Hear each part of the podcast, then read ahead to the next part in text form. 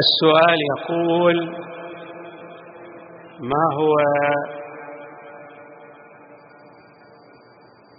حكم المكلف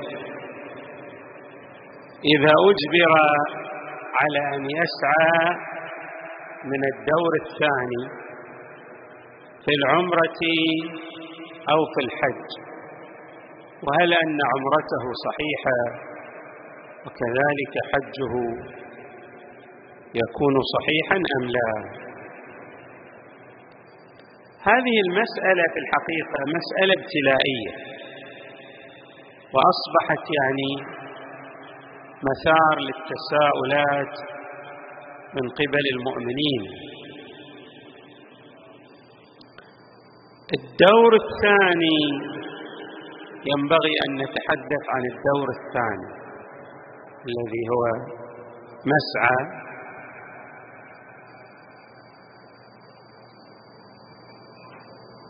هذا الدور الثاني يعني بني منذ زمن قديم.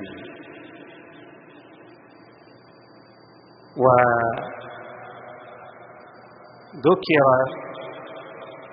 أن السيد الحكيم المرجع يرحمه الله السيد محسن سعى من الدور الثاني. يعني في زمانه ذاك الزمان يعني في التسعينات.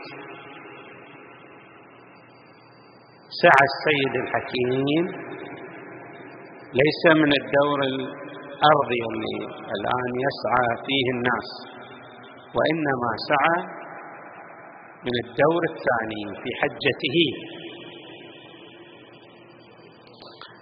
هذا مسألة ينبغي أن نلتفت إليها. السيد الحكيم عندما نذكر هذه الشخصية يعني نذكر مرجعا كبيرا وعالما نحريرا وفقيها لا يشق له غبار من الفقهاء العظام.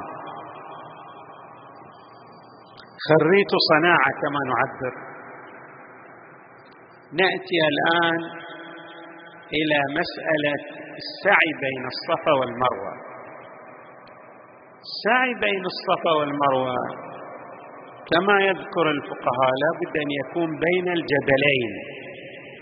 يعني بين جبل الصفا وجبل المروة. السعي لا بد أن يكون بين هذين الجبلين.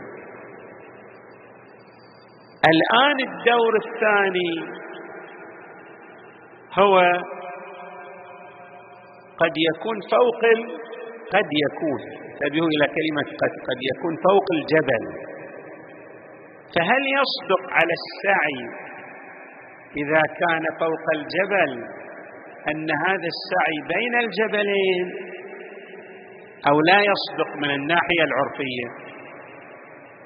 هذه مسألة مختلف فيها. مختلف فيها من ناحية التشخيص بمعنى أن البعض يرى أن العرف العرف يقول إنه يصدق عليه. مسألة ترجع إلى التشخيص العرفي. حتى لو كان هناك دور مثلا فوق الجبلين وسعى المكلف بين الجبلين من فوق الجبلين يصدق على سعيه. أنه سعي بين الجبلين. مثل ما نقول الآن مثلا أنت الآن لو كان واحد مثلا يطير بين مدينتين. يطير هو فوق المدينتين أليس كذلك؟ مع ذلك لما تسأله أين تطير الآن بطائرة مثلا هليكوبتر يقول أنا أطير بين المدينتين. فالسعي بين الجبلين من الناحية العرفية قد يصدق عليه أنه سعي بين الجبلين. وليس فقط السعي بين الجبلين في الدور الأرضي يعني حتى السعي الفوقاني أيضا يصدق عليه سعي بين الجبلين في نظرة العرف. بالتالي الفقيه يشخص المسألة على ضوء النظرة الفقهية على ضوء النظرة العرفية لأن هذا تشخيص شنو؟ للموضوع. الموضوع الذي ينطبق عليه الحكم الشرعي على المكلف أن يشعر. إذا قال العرف أو إذا كانت الرؤية العرفية أن من يسعى في الدور العلوي في الطابق الثاني وحتى لو بنيت أدوار يصدق عليه من الناحية العرفية أنه يسعى بين الجبلين. يكون سعيه ماذا؟ صحيحا وعلى وفق الموازين. نأتي الآن هذا يعني كلام نستطيع أن نعبر عنه برؤوس الأقلام. ناتي إلى فتاوى العلماء. أكثر الناس في المنطقة يرجعون إلى السيدين. السيد الخوئي يرحمه الله والسيد السستاني يحفظه الله. ما هو رأي هذين العلمين؟ الذي يظهر من الفتاوى لهذين العلمين أنهما يتوقفان. يعني لا لا يجزمان بعدم صحة السعي من الدور الفوقاني. مثلا في بعض فتاوى السيد السستاني يحفظه الله يظهر من الفتوى أنه المسألة ترجع إلى اطمئنان المكلف تشخيص المكلف مع اطمئنانه. إذا كان المكلف يطمئن أن سعيه الفوقاني هو من السعي بين الجبلين فسعيه صحيح. يعني المسألة ترجع إلى ماذا؟ إلى اطمئنان المكلف. فإن كان المكلف يطمئن وهذا أيضا رأي السيد الخوئي يرحمه الله. طبعا في بعض الفتاوى قد يظهر منها أن السعي من الدور الفوقاني أو من الطابق العلوي ليس بسعي. قد يظهر منها ذلك. ولكن في بعض الفتاوى الأخرى ماذا يظهر منها؟ يظهر منها أن المسألة ترجع إلى تشخيص مكلف هذا رأي من؟ السيد الخوئي والسيد السستاني. يعني لو فرضنا أنهما يتوقفان ولعل هذا هو الأرجح أن كل واحد من هذين العلمين يتوقف في المسألة ف يعني نرجع إلى التشخيص في هذه المسألة. أحد العلماء الكبار من المعاصرين وهو الشيخ الفياض يحفظه الله يجوز السعي من الدور الفوقاني. يقول لا إشكال فيه بل أكثر من ذلك ينقل عنه المسؤول أحد المسؤولين في مكتبه يقول إن الشيخ الشيخ إسحاق الفياض يحفظه الله. حج قبل خمسين سنة. من هذا التاريخ. قبل خمسين سنة. ورأى الجبل يعني رأى الجبل. يعني كان هناك لعله شيء يرى منه الجبل. الجبل كان فوق الدور ماذا؟ الثاني. معناه أن الجبل نحت منه أخذ من الشيء. في الأصل كان الجبل فوق. هذا رأي من؟ الشيخ الفياض هو ينقل. أنا أنقل عن بعض المسؤولين في مكتبه. يقول إنه رأى الشيخ يحفظه الله الجبل كان فوق. يعني الدور الثاني نأتي. قد يقال صحيح أن الشيخ يحفظه الله رأى الجبل وكان الجبل آنذاك قبل خمسين سنة هو فوق الدور الثاني ولكن نحت. الآن نحت صار تحت. فبما أنه نحت المدار على الصدق الفعلي الآن وليس المدار يعني كأن الآن الآن لا يصدق عليه أنه سعي بين جبلين لأن نحت زال الجبل. فما يصدق السعي بين الجبلين في العصر الحاضر إلا في الدور الأول أو في السرداب. قد يقال ذلك. ولكن هذا الكلام يعني هذا حكم شرعي. لما يقول لك الشارع اسعى بين الجبلين. اسعى بين الجبلين.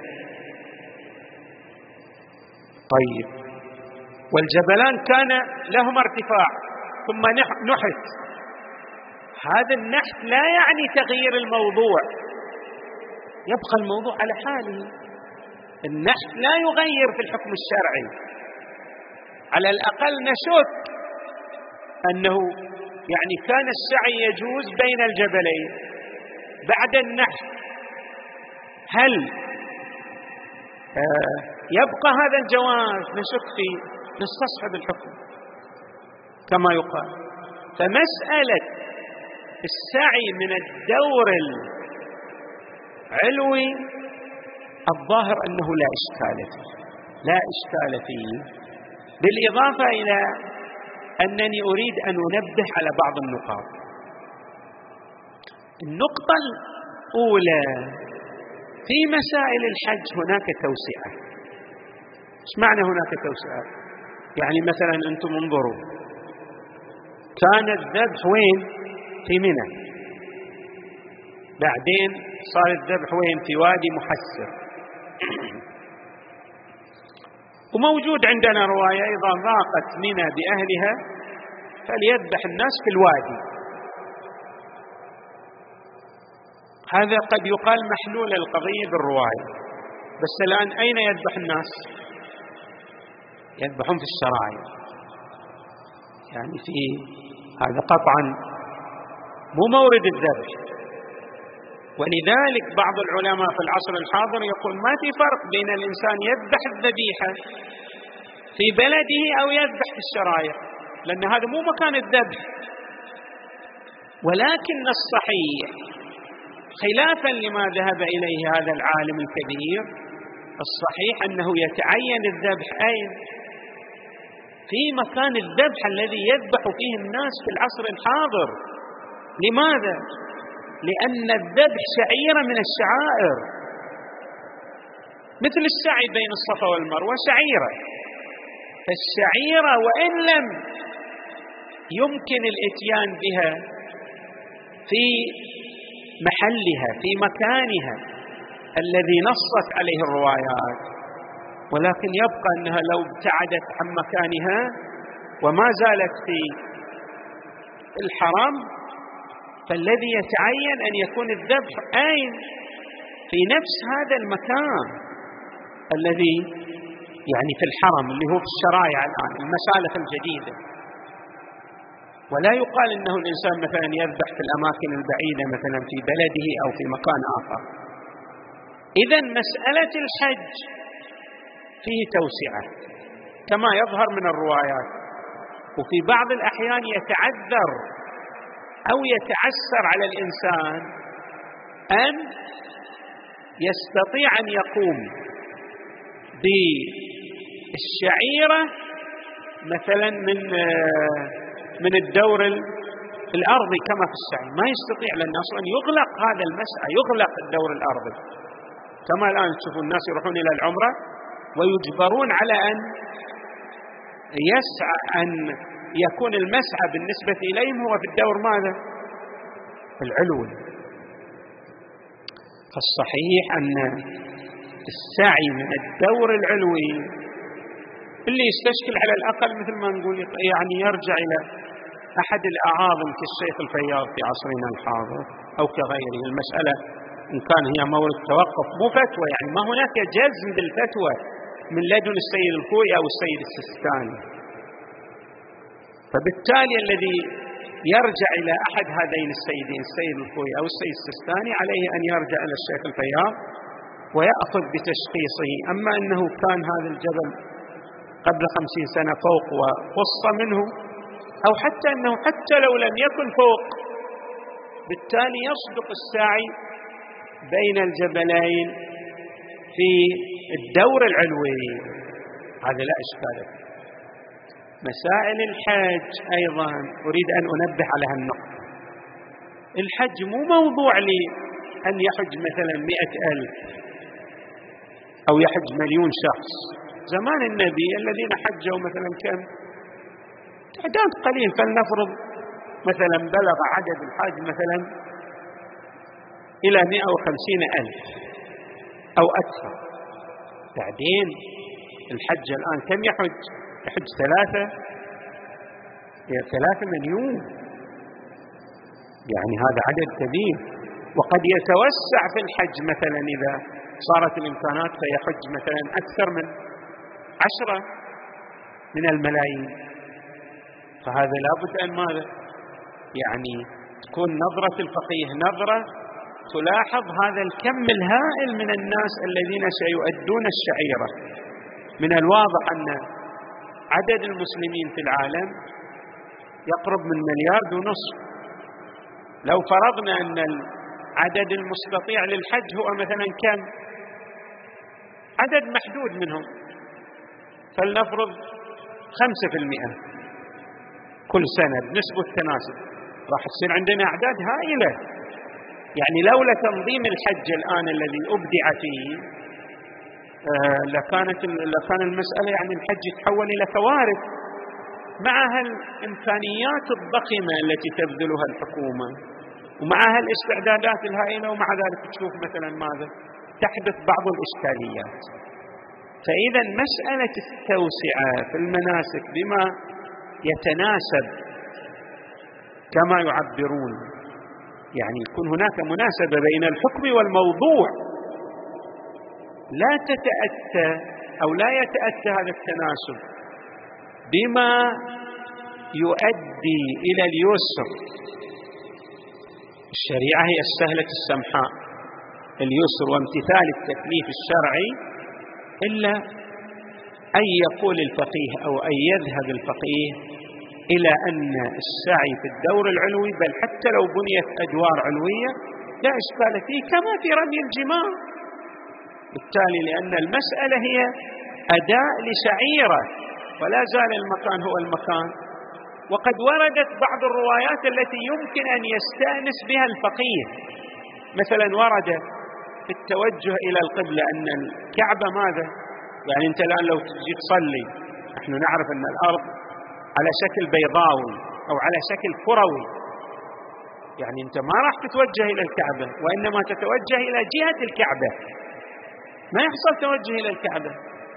كذلك أيضا هنا المسألة على أداء الشعيرة وليس على يعني أن الإنسان يبقى مثلا يدور في فلك يعني آه، الحدود اللفظية لأن نحن نعرف مذاق الشارع المقدس. فكما أن يعني نحن نعرف أن أصل الرمي مثلا رمي الجمار أين كان؟ كان في حفرة بعدين وضع الشاخص في الدولة الأموية فالأئمة أجازوا ذلك تسهيلا للعباد فيتبين أن نظرة الأئمة من أهل البيت هي هذه النظرة المبتنية على نحو من السعة والتوسعة في أداء مناسك الحج وبالتالي فزبدة المخاض أن السعي في الدور الثاني ولو بالرجوع إلى الفقهاء العظام الذين يرون أنه لا إشكال في صحة السعي من الدور الثاني بالإضافة إلى أن هذا تشخيص موضوع يعني. تشخيص موضوع قد يقال إن هذا من الموضوعات المستنبطة التي لا بد أن يرجع فيها إلى الفقيه. ومع ذلك إذا رجعنا إلى إذا يعني أردنا أن نرجع إلى الفقهاء في هذه المسألة سنجد والحمد لله رب العالمين بعضا من الفقهاء الذين يجيزون ويجوزون السعي من الدور العلوي.